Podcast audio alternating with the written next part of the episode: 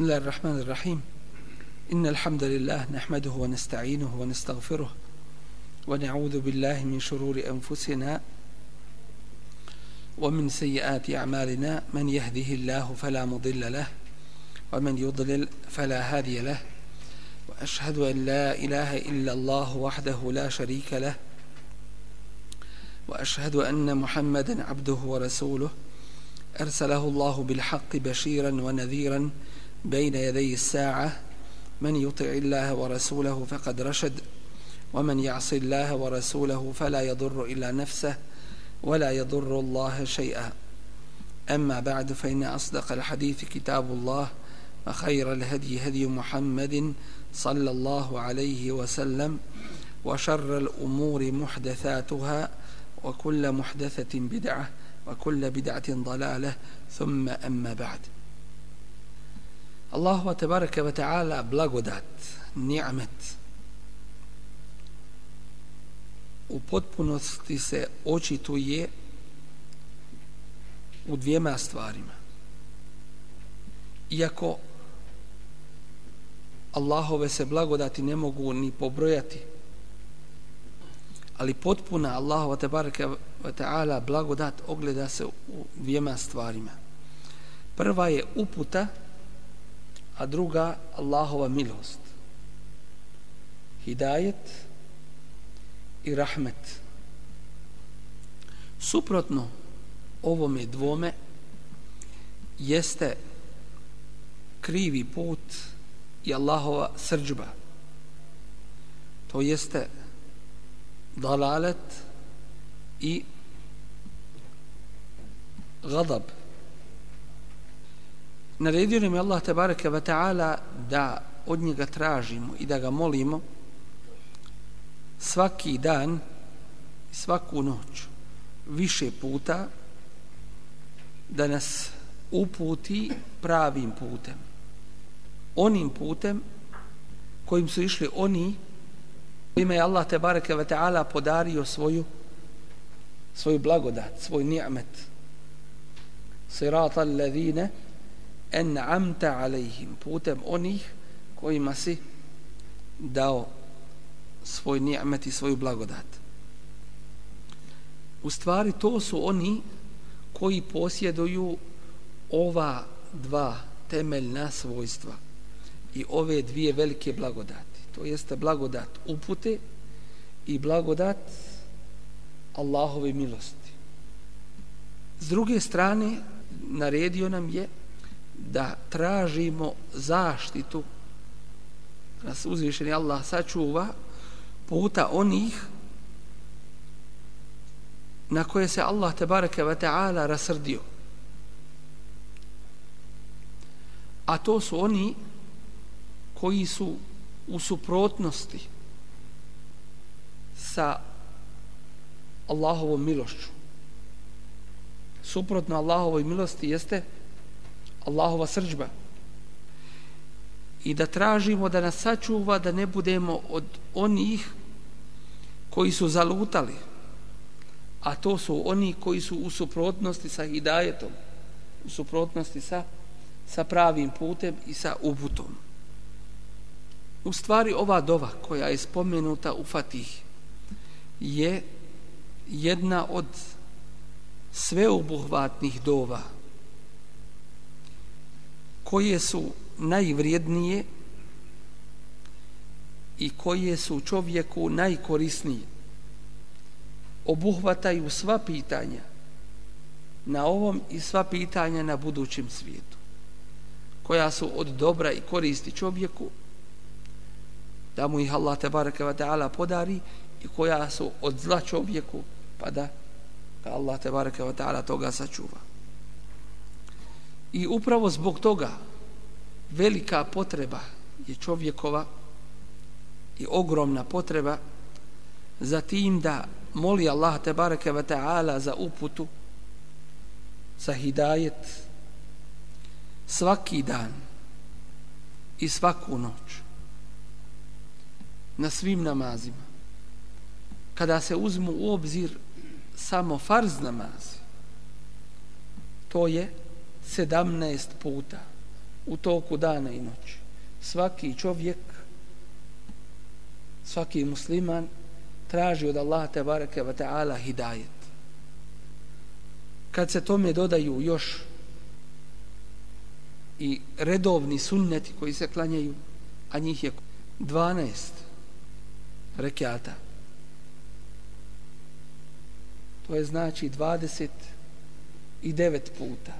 Kada se tome još dodaju i na file i drugi namazi, dakle, čovjek u toku dana i noći veliki broj puta moli Allah te bareke ve taala za uputu i za to da ga učini od onih kojima je ukazao svoju milost i blagodat. Ponekada primanje ove dove koja je najčešća dova koja se uči među ljudima nekada izostane primanje ove dove. Upravo zbog toga što onaj koji uči ovu dovu nije je uopšte svjestan. Niti je od onih koji traže čvrsto i iskreno od Allaha te bareke ve taala ovaj hidajet nego je to učenje u stvari svedeno na jednu formalnost. Kaže Allahu poslanik sallallahu alejhi ve sellem inna Allaha la yastajibu du'aan min qalbin gafilin lahin Allah se ne odaziva ili ne prima dovu koja je učinjena sa srca ili od srca koje je nemarno i koje nije ozbiljno zatražilo tu dovu. Dakle, ovo je jedan od uzroka zašto ta dova nije primljena. Zato što je čovjek u gafletu prilikom učenja te dove ili ne zna uopšte šta ona znači i šta traži od Allah te bareke ve taala. Ovom prilikom ćemo spomenuti deset najvažnijih uzroka koji spriječavaju čovjeka u hidajetu, koji spriječavaju čovjeka da bude na pravome putu. Ponekada se svih ovih deset uzroka nađe kod nekoga, pa bude najvećim uzrokom ili zaprekom da primi istinu i prihvati. A kod nekoga se nađe poneki od ovih uzroka, tako da njegovim uklanjanjem, inša Allah, nadat se da će dotična osoba i prihvatiti istinu i krenuti pravim putem. Prvi i najveći uzrok da čovjek ne bude na pravome putu i da ne bude upućen jeste neznanje. Čovjek je u velikome dobro ako postigne dvoje. Prvo je ako sazna istinu i zna tačno odvojiti istinu od neistine,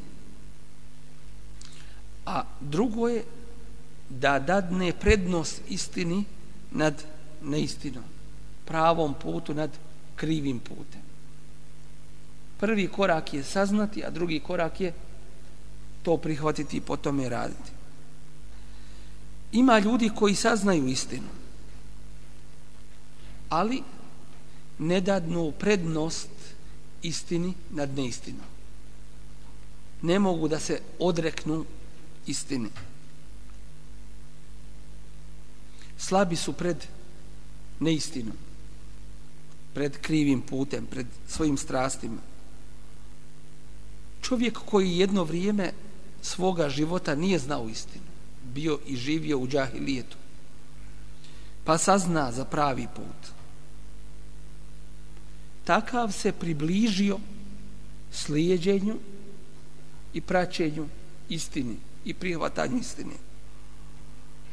Takav je u stvari prešao pola puta do istine. Pola puta koji se od njega traži. Na njemu samo ostaje da bude odlučan da to što je saznao i primi i prihvati i potome radi i postupa koliko ih ima među ljudima koji neće ni da čuju za istinu. Bojeći se da će ih ta istina obavezati i da će biti odgovorniji nakon što su saznali istinu. A isto tako koliko ih ima koji su saznali istinu, ali nisu smogli snage da rade po njoj. Da je prihvate i sprovedu u svom svakodnevnom životu. I zato je ovaj dio vrlo važan. Nakon upoznavanja sa istinom, da čovjek prihvati tu istinu. Da bude odlučan u radu po njoj. I zato u rivajetu kojeg bilježi imami Ahmed, da je, spominje se da je Allahu poslanik sallahu alaihi ve sellem učio dovu Allahumme es'eluke l'azimete ala rušt. Allahu moj, molim te da mi podariš odlučnost na pravome putu. Odlučnost u razboritosti, u svakome dobru. Jer koliko ih ima koji saznaju pravi put, ali ne rade po njemu. Dakle, Allah poslanik ali sad sam je učio ovu dovu Allahumme inni es'eluke l'azimete ala rušt. Ukazivanju o Musa'u alaihi selam i Hidru kada je Musa alaihi selam zatražio od njega da bude s njim u društvu kaže mu Hidr wa kejfe tasbiru ala ma lem tuhit bihi khubra a kako ćeš se ti strpiti na onome o čemu ti nemaš vijesti o čemu ti nemaš znanje. To jeste nisi u stanju da se strpiš na onome na čemu o čemu ti nemaš znanja ovaj upravo uzrok je bio preprekom između mnogih nevjernika i islama oni ne poznaju gotovo ništa o islamu. A uz to osjećaju netrpeljivost prema njemu. I poznato je među ljudima da se kaže en nasu a'da'un lima jahilu. Ljudi su neprijatelji onoga što ne poznaju. Uz to kada se spoji uz to neznanje. Ova propaganda koja se vodi i vrši protiv islama i muslimana ubacivanje raznih šubhi i sumnji među ljude u pogledu ove vjere i iskrivljeno njeno prezentovanje u tome slučaju upotpunjuje nam se slika kako ljudi mnogi koji ne poznaju islam ili imaju više netačnih informacija o islamu nego, nego tačnih onda nam se upotpunjuje slika kako se odnose i kako imaju mišljenje o ovoj vjeri Mnogi muslimani danas ne poznaju islam. Kod mnogih je islam u stvari zasnovan na običajima, na priči, na kazivanjima. Nemaju dokaza, nemaju čvrstih potvrda da se na njih oslone, ne poznaju ih. Tako da se to vjerovanje nasljeđuje od jednih do drugih, u stvari to je samo pripisivanje vjeri, a takvi u stvari, takvi u stvari po definiciji vjere i ne mogu se ubrajati među muslimane, jer ako ne poznaju propise vjere, ako ne rade samim tim po njima, ako je to vjerovanje puno sumnji, onda, onda to više i nije vjerovanje. Mnoge ćemo naći danas da kažu ako se ja pokajem za prošli život u kojem sam bio, ako se vratim Allahu i počnem raditi dobra djela, onda će mi moja obskrba se umanjiti. Neću imati zaradu i prihode koje, koje sada imam. I težak će mi postati svakodnevni život. A ako se vratim na grijehe i na griješenje, ako dadnem svojim strastima oduška, onda će mi doći moja obskrba i ljudi će stati uz mene i pomoći će mi. To su samo šubhe i sumnje koje ubacuju jedni drugima. U stvari tako me treba reći, tako treba upozoriti da se Allah te bareke ve taala ne obožava i ibadet mu se čini zbog interesa. Takav u stvari ibadet Allahu te bareke ve taala čini zbog svojih strasti i i svojih prohtjeva i svog stomaka. Dakle kada mu je dobro i prihvatit će nešto od vjere a kada mu a kada mu se uskrati nešto od onoga što voli i što želi, onda nije spreman ništa da uradi od ove vjere. Takav u stvari gleda na cjelokupnu vjeru kao jedan neobavezni dio kulture, nešto što se može, a ne mora, a kada se suprostavi sa ličnim i društvenim interesima, onda je to pametnije i mudrije ostaviti neuzubilno. Takva su svačanje, nažalost, kod nekih. Nema sumnje da Allah tebareke ve taala ispituje čovjeka, stavlja ga na na razna iskušenja, posebno kada čovjek se prihvati vjere, da bi se ojačao u njoj, da bi se ispitao njegov sabur, ustrajnost, njegova iskrenost u vjeri i vjerovanju, čovjeku dođu razna iskušenja, ali u tome slučaju mu'min biva samo jači i čvršći i većeg imana i nijekom slučaju ne popušta. Koliko je bilo pobožnih koji su bili Allahu te bareke ve taala pobožni kada su imali nafaku, obskrbu kada su imali ono što vole i žele a kada im se to uskratilo onda su to ostavili. Wa minan nasi man ya'budu Allaha ala harf. I ima ljudi koji Allaha obožavaju površno. Kako se to ogleda? Fa in asabahu khairun itma'anna bi. Ako ga kakvo dobro zadesi, on je siguran, bezbjedan, raspoložen, dobro mu. Wa in asabahu fitne, ako ga kakva kušnja zadesi in qalaba ala wajhi. Takav se naopako okrene. Khasira dunya wal akhirah takav je izgubio i na dunjaluku i na ahiretu.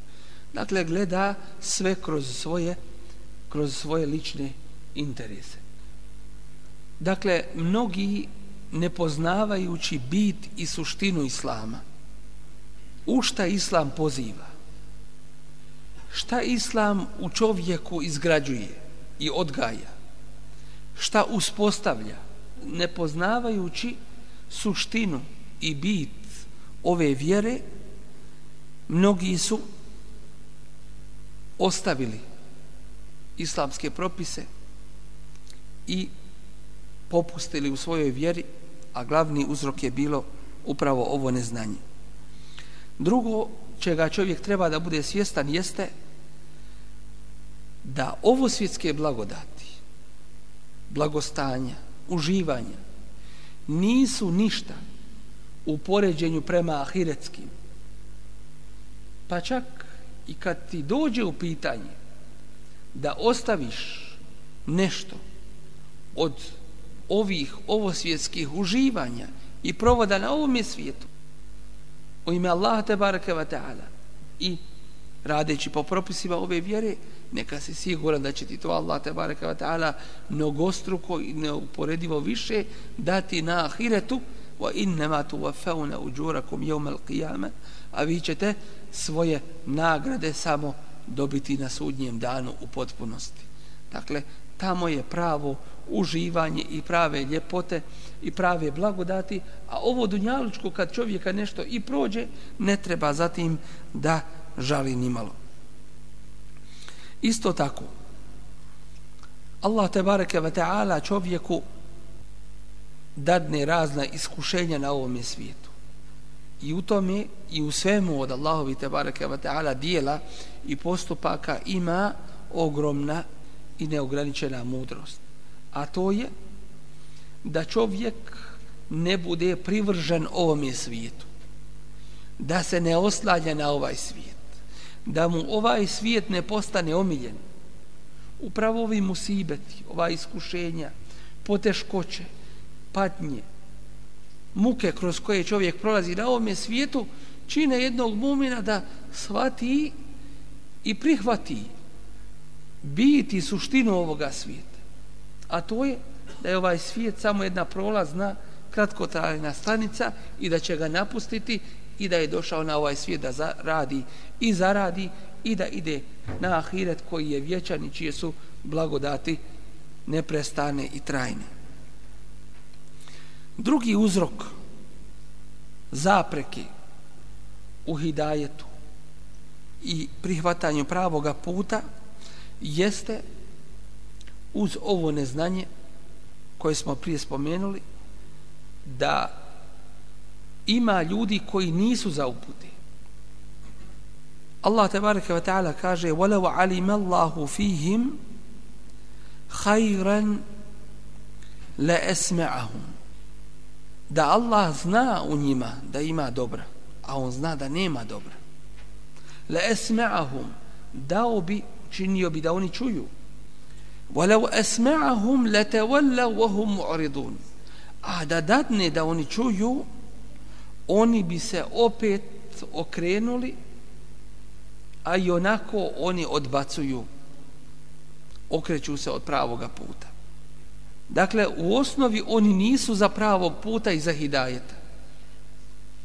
Naklonjeni su zlu, pa takvi i kada saznaju istinu ne prihvataju je zato što oni nisu za te istine zato što oni nisu za te istine isto je sa zemljom koja je neplodna kada padne kiša na nju neće iz nje niči bilje zato što nije mahana u, tom, u toj vodi niti je mahana u, u tom sjemenu, već u toj zemlji.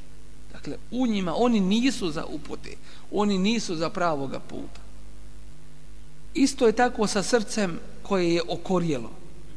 Ono ne prihvata bilo kakav nasihat. Ne možeš mu nikako prići, ni logički, ni s bilo koje druge strane, da mu kažeš, da mu objasniš da bi on to prihvatio. Ne prihvata. Zato što nije za toga. A najdalje srce od Allaha te barke wa ta'ala jeste okorjelo srce I zato srce jednog mu'mina prihvata uputu, prihvata opomene i upozorenje. I zato je Kur'an nazvan وَمَنْ أَعْرَضَ عَنْ ذِكْرِ ko se okrene od moje opomeni.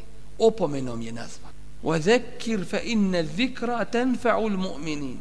I opomeni jer opomena koristi vjernicima. Doći onim drugim opomena ne koristi. Razlika je u srcima. U mjestu koje prihvata to uputu. Isto je sa srcem koje je bolesno. Koje u sebi ima razne bolesti. U sebi nema ni snage ni odlučnosti tako da znanje na takvo srce ne liježi ne prihvata znanje takvo srce Allah tebareke ve taala kaže وَإِذَا ذُكِرَ اللَّهُ وَحْدَهُ i kada se Allah spomene sam jedan jedini išme ezzet kulubu alladhina la yu'minuna bil ahira.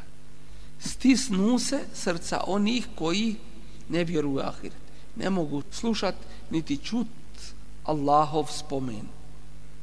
Wa idha dhukira alladhina min dunihi idha hum yastabshirun. A kada se spomenu drugi mimo njega kad oni odjednom raspoloženi. Ne može slušat Kur'an, a sluša muziku. Ne može slušat nasihat vas, a sluša besposlen govor koji mu ne koristi. Dakle, nije za toga. Nije za hidajete, nije za pravoga puta.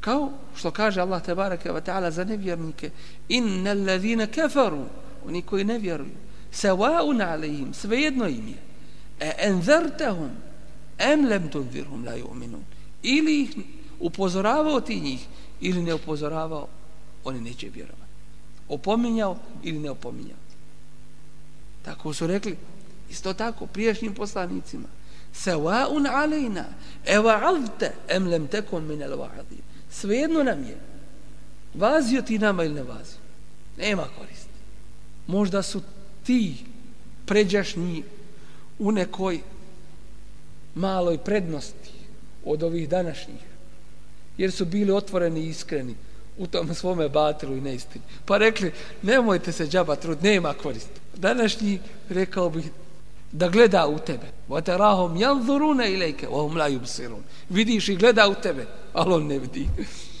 Dakle, jednostavno nije, nije za te upute. To ne znači da ne treba upominjati. I to ne znači da mi možemo unaprijed donositi sud i zaključak o nekome. Allah te bareke ve taala je taj koji upravlja ljudskim srcima i on upućuje jedini i zato na nama je da učinimo krajnji napor i trud da dostavimo Allahu te bareke ve taala vjeru i uputu ljudima. To je naš i to je obaveza naš a drugo to je da li će dotični prihvatiti to Allah te bareke ve taala tim vlada i upravlja. Treći uzrok zapreke u hidajetu i pravom putu jeste hased, zavist i kibr ili kibur, oholost. Allahu poslanik sallallahu alaihi ve sellem je objasnio da je kibur betarul haqqi wa gamtun nas odbacivanje istine i podcjenjivanje ljudi. To je to je kibur, to je oholost. Suprotno ovome jeste šta? Poniznost, tevadu ili skromnost. A to je da čovjek primi istinu od koga god mu ona došla. Da bude blag sa ljudima onaj koji je ohol on je pristrasan svojim riječima i svojim dijelima. Kod njega je ispravno samo što on uradi i što on kaže i ne prihvata ničije drugo. To je navelo prokletoga Iblisa da odbije naredbu Allaha tebareke ve ta'ala da seđdu učini Ademu. I ta seđda nije bila seđda ibadeta Adem jer nikada nije bilo dozvoljeno kamoli naređeno da se ibadet čini nekome drugome mimo Allahu te bareke wa ta'ala ta seđda je bila ibadet Allahu te bareke wa ta'ala ibadet Allahu te bareke wa ta'ala jer je pokornost njemu a izražavanje počasti Allahovom te bareke wa taala stvorenju Ademu alejsalam. Mi klanjajući u pravcu kible ili prema Kabi ne klanjamo Kabi. Niti ibadet činimo Kabi, nego Allahu te bareke ve taala. A taj je ibadet upravo u tome što se Allah te bareke ve taala slavi i hvali i veliča i što se njegovo naređenje ispunjava i izvršava. Kibur je bolest prvih i potonjih. Osim rijetkih izuzetaka kojima se Allah tabaraka wa ta'ala smilovao. To je bilo uzrokom židovima da izostanu iz vjerovanja u Allahovog poslanika Muhammeda sallallahu alaihi ve sellem. a oni su ga poznavali i imali su čvrsto i jasno znanje o njemu i vidjeli su ga. Spoznali su istinitost njegovog poslanstva i vjerovjesništva. Allah tebareke wa ta'ala kaže Ellezina atainahumul kitabe. Oni kojima smo dali knjigu to jeste ehli kitabijama ja'rifunehu kema ja'rifune ebnaehum poznaju ga poznaju poslanika ali i sad wasalam, kao što poznaju svoju djecu. Od stotinu i hiljadu djece ti ćeš poznat svoje djete i ne možeš ga pomiješati sa, sa drugim djetetom s tuđim. Tako su oni mogli jasno i nedvosmisleno prepoznati Allahovog poslanika sallallahu alaihi ve sellem zato što je nagovještaj o njemu spomenut u njihovim knjigama i tačno su znali njegov opis. Opis njega i opis njegovih ashaba. I opis mjesta u koje će hijđru učiniti. I opis mjesta i ime mjesta u kojem će se pojaviti. Dakle kibur, oholost neće da ga priznaju i prihvati zato što je došao od Arapa zato što je došao od porijekla Ismailovog, a ne od porijekla Ishaku. Abdullah ibn Ubej ibn Selul odbio je prihvatiti iman upravo zbog ovoga. Ovo je spriječilo i Ebu Džehla da prihvati islam.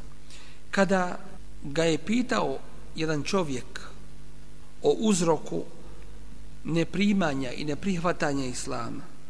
Uz to da on zna da Resulullah sallallahu alejhi ve sellem istinu govori ovaj reče reče Ebu Džehl tesabekna nahnu wa banu Hashim ala šaraf.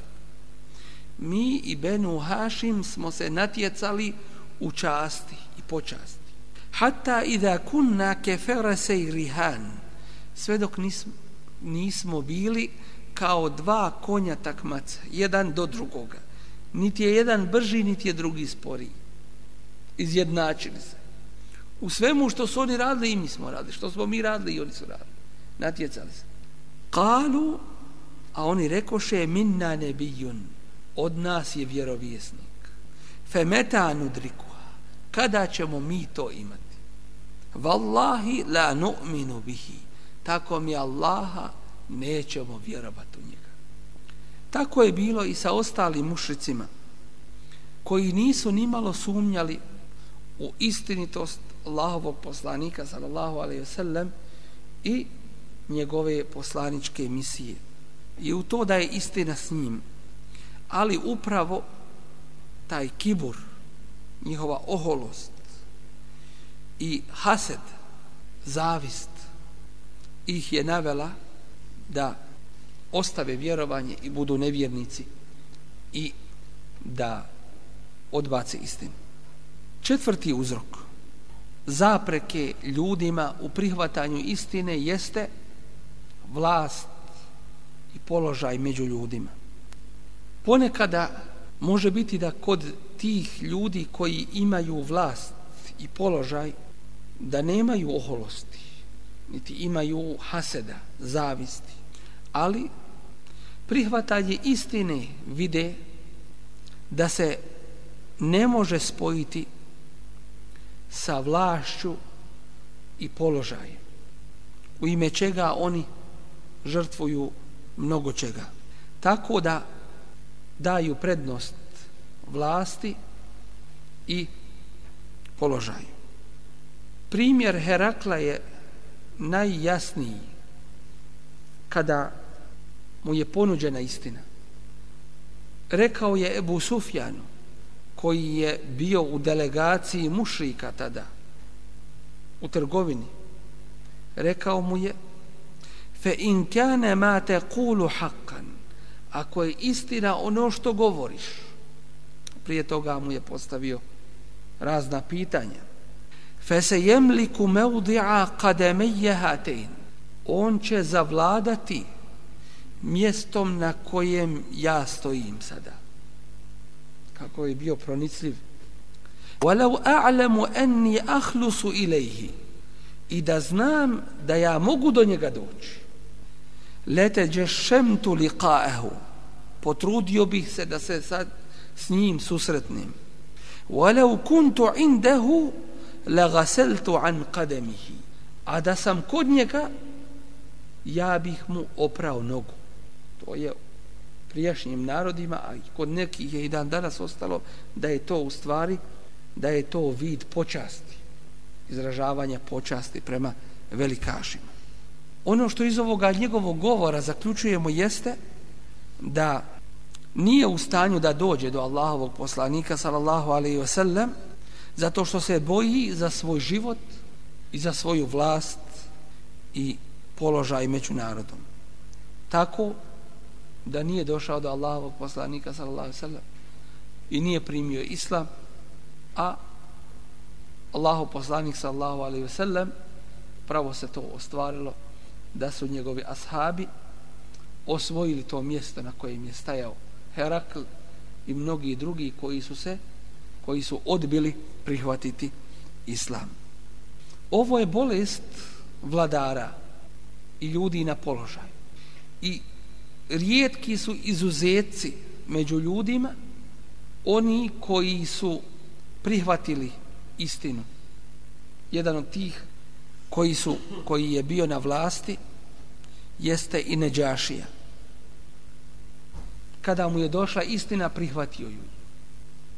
Na više mjesta u Kur'anu Kerimu uzvišeni Allah tebareke ve taala nam govori kazivanje o faraonu.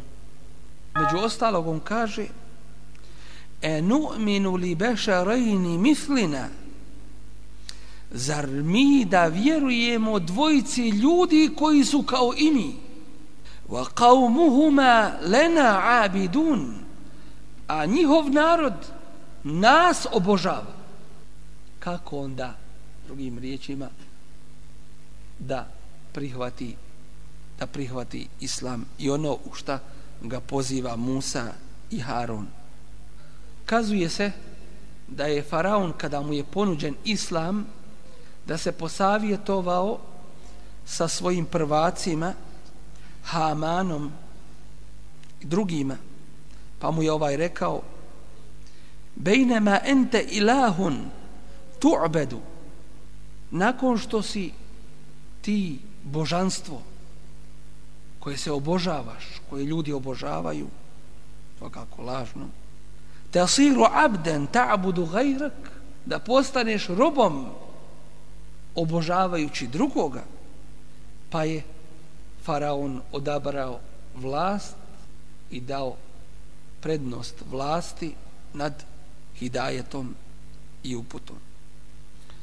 Peti uzrok zapreke na putu pravom i na putu upute jeste strast i imetak.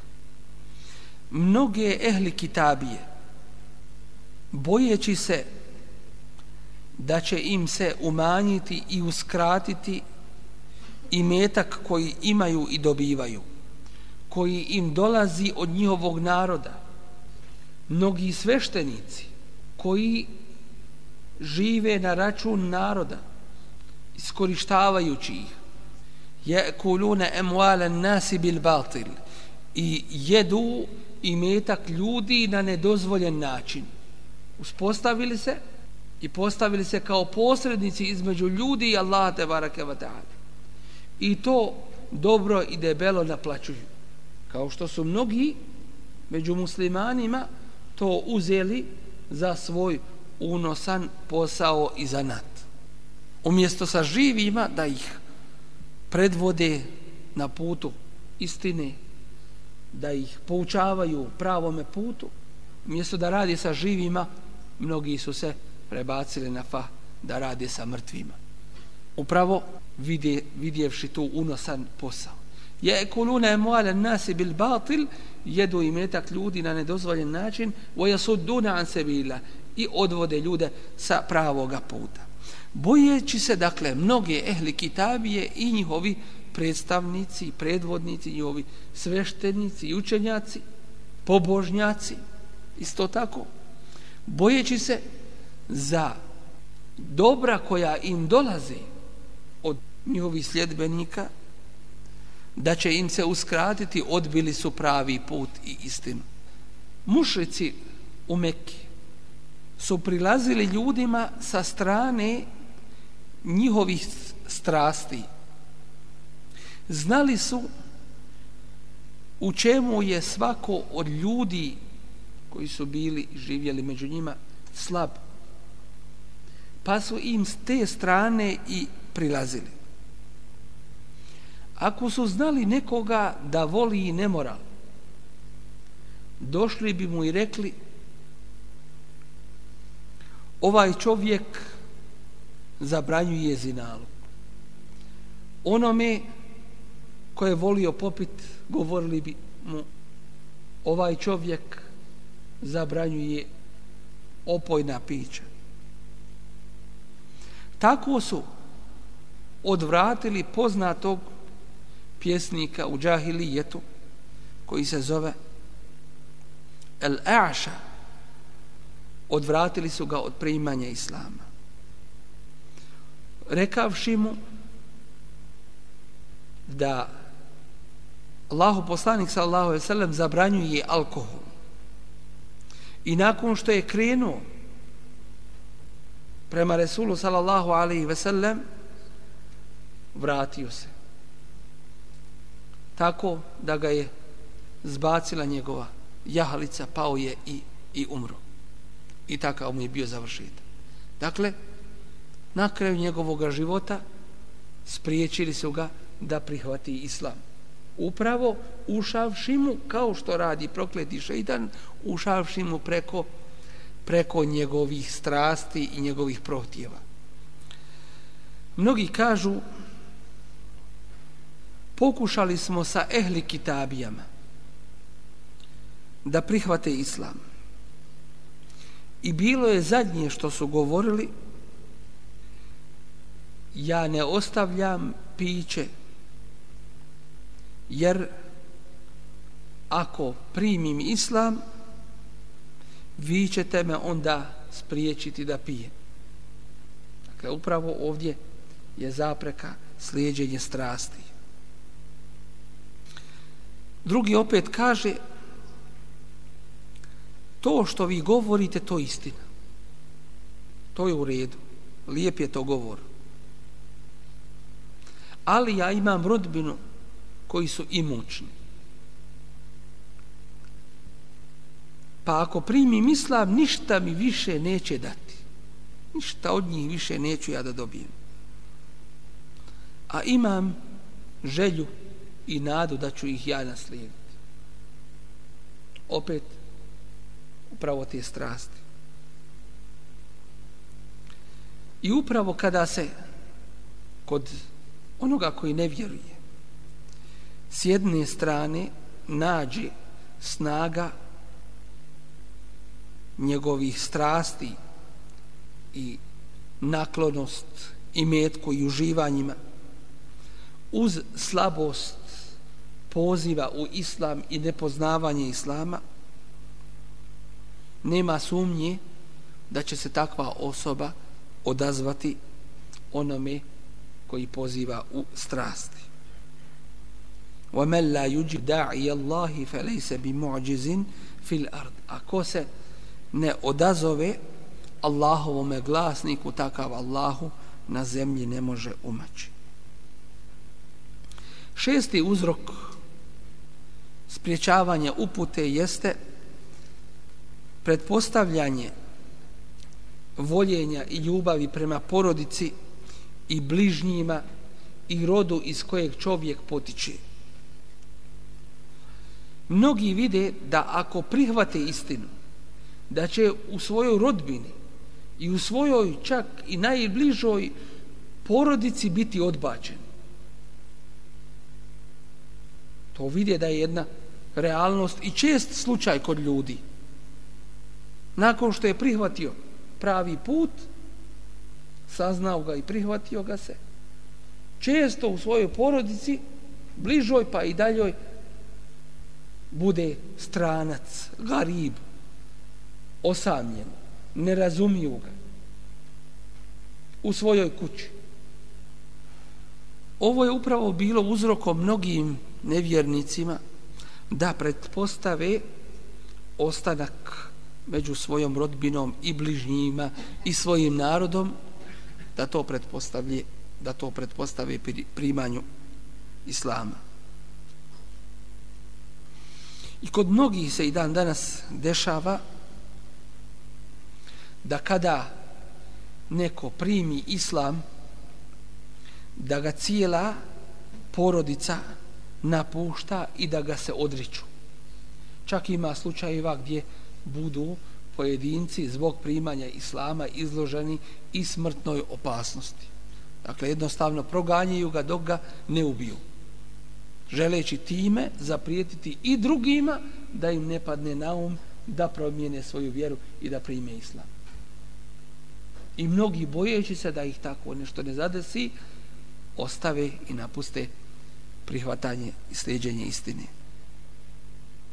Sedmi uzrok neprihvatanja islama i neprihvatanja upute jeste da čovjek bude naklonjen svojoj domovini. Mnogi se pribojavaju da ako prihvate istinu, da će morati napustiti svoje kuće, da će biti izloženi mnogim iskušenjima na tome putu i zato i zato pretpostavljaju nacionalizam, pretpostavljaju pripadnost određenom narodu tako dalje i ono na čemu su oni pravome putu i uputi. Poznato vam je šta je sve doživio poznati ashab Selman el Farisi radijallahu anhu i kakve sve napore je doživio na svome putu i kroz kakve poteškoće je prošao dok je došao do istine. Kako je ostavio svoju porodicu, svoj rod, svoju domovinu, kako je hijđru učinio u Medinu i zato je i nazvan el bahithu anil haqiqa, onaj koji traži istinu. Onaj koji traži istinu. Tako je bilo i sa ostalim ashabima koji su ostavili svoje imetke, svoju domovinu, svoju rodbinu i hijđru činili u Medinu Allahovom poslaniku sallallahu alaihi wasallam želeći Allahu tebareke ve taala zadovoljstvo i pomažući ovu vjeru.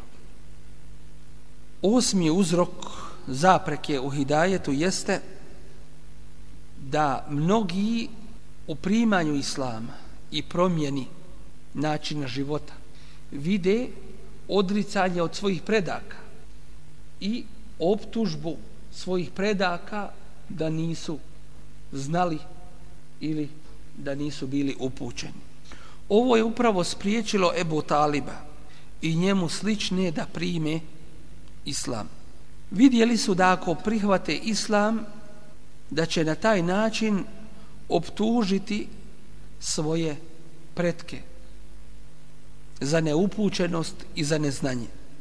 I zato Allahovi neprijatelji su rekli Ebu Talibu na smrtnoj postelji etergabu an milleti abdil muttalib. Zar ćeš ostaviti vjeru abdul muttalibov? A Allahu poslanik sallallahu sallam mu je govorio reci riječi šehadeta ja ću se zauzimati kod Allaha za tebe. I zadnje je bilo što je rekao Ebu Talib da je na vjeri Abdul Mutalibovoj dakle da je mušrik da je nevjernik znali su njegovu slabost njegovu slabu stranu njegovu ljubav veličanje i odanost prema Abdul Mutalibu. Tako da su mu prišli sa te strane, strane njegove slabosti, u zadnjim trenucima njegovog života na ovom svijetu. I zadnje je bilo da, da je on na vjeri Abdul Mutalibovu. I zato se spominje od Ebu Taliba da je rekao Leula en tekune mesebeten ala beni Abdul Mutalib le akrertu biha ajnek da ne bude to optužbom ili da na taj način ružno nešto ne učinim prema potomcima Abdul Mutalibovim, ja bih te obradovao islamom. To jeste, primio bih islam. Ali to mu je bila zapreka. Tako da se spominje u stihu da je rekao وَلَقَدْ عَلِمْتُ بِأَنَّ دِينَ مُحَمَّدٍ مِنْ خَيْرِ أَدْيَانِ الْبَرِيَّةِ دِينًا Ja sam spoznao da je vjera Muhammedova najbolja vjera među ljudima. Leula al malamatu au hazar masabat la wajadtani samhan bidhaka mubina. I da nije prijekora i bojanja optužbe vidio bi me kako jasno tu vjeru ispovjeda dakle bojao se da će da će time prijekor izraziti prema svojim predsima kojima je bio odan i zato nije ni primio islam. I ova šubha upravo i ova sumnja je do dan danas kod mnogih ljudi prisutna. Radilo se onima koji neće nikako da prime islam ili onima koji su u islamu, a neće ništa da promijene od onoga na čemu su našli svoje predke. Bilo to ispravno u nekim propisima ili, ili neispravno. Doći im, dužan je čovjek poslušati Allah te bareke ve ta'ala i slijediti njegovog Resula sallallahu alejhi ve sellem neovisno od toga na čemu su bili njegovi preci. Allah te bareke ve taala kaže: "Wa idha qila lahum ta'alu ila ma anzala Allah wa ila ar-rasul" kada im se kaže: "Dođite onome što je Allah objavio i ono što je dato njegovom poslaniku qalu hasbuna ma wajadna alayhi aba'ana oni odgovaraju dovoljno nam je to na čemu smo našli naše pretke dakle zadovoljavaju se vjerom svojih predaka i onome na čemu su ih zatekli Deveti uzrok neprihvatanja istine jeste što nekima smeta da su ih pretekli neki koji oni ne mogu ili ne podnose ih u islamu. Ovo je čak spriječilo i mnoge da slijede istinu nakon što su je spoznali. Desi se da čovjek ima nekog neprijatelja kojeg ne može i ne podnosi, čak ne voli da ide istom zemljom kojom dotični hoda i na kojoj živi, pa kada vidi da dotični je primio islam, njegovo neprijateljstvo prema određenoj osobi čini ga da odbacuje istinu i da je ne prihvata. Ovo se isto desilo sa židovima u Medini koji su bili u neprijateljstvu sa ensarijama i u stalnim ratovima. Tako da prije nego što je došao Allaho poslanik sa selem u Medinu hiđu čineći, prijetili su židovi ensarijama i govorili im došlo je vrijeme kada će se pojaviti Boži poslanik pa ćemo mi s njim vas pobijediti. Doćim kada su vidjeli da su ensarije primili islam i da su stali uz Resula sallallahu alaihi sallam, a židovi ih nisu mogli, bili su stalno s njima u ratovima, jedan od uzroka je bio i taj, dakle to što su odbacili istinu i nisu je prihvatili. Zato što su ensarije prihvatile istinu prije njih. I kako onda da sa svojim neprijateljima budu u istoj vjeri. Dakle, to je taj inad i nemogućnost da, da prihvate ovu činjenicu. Deseti uzrok zapreke u hidajetu jeste da mnogi nisu spremni i u biti ne želi da promijene svoj život, adete i način na koji su naučili da žive. Iako je ovaj uzrok najslabiji od ovih svih spomenutih, može se desiti da je ovo u stvari i najprošireniji uzrok i najčešći uzrok među ljudima. Najčešći uzrok među ljudima zašto ne prihvataju istinu. Vjera običaja je vjera kod većine ljudi. To jeste onoga šta su naučili i na čemu su zatekli ljude da rade i žive.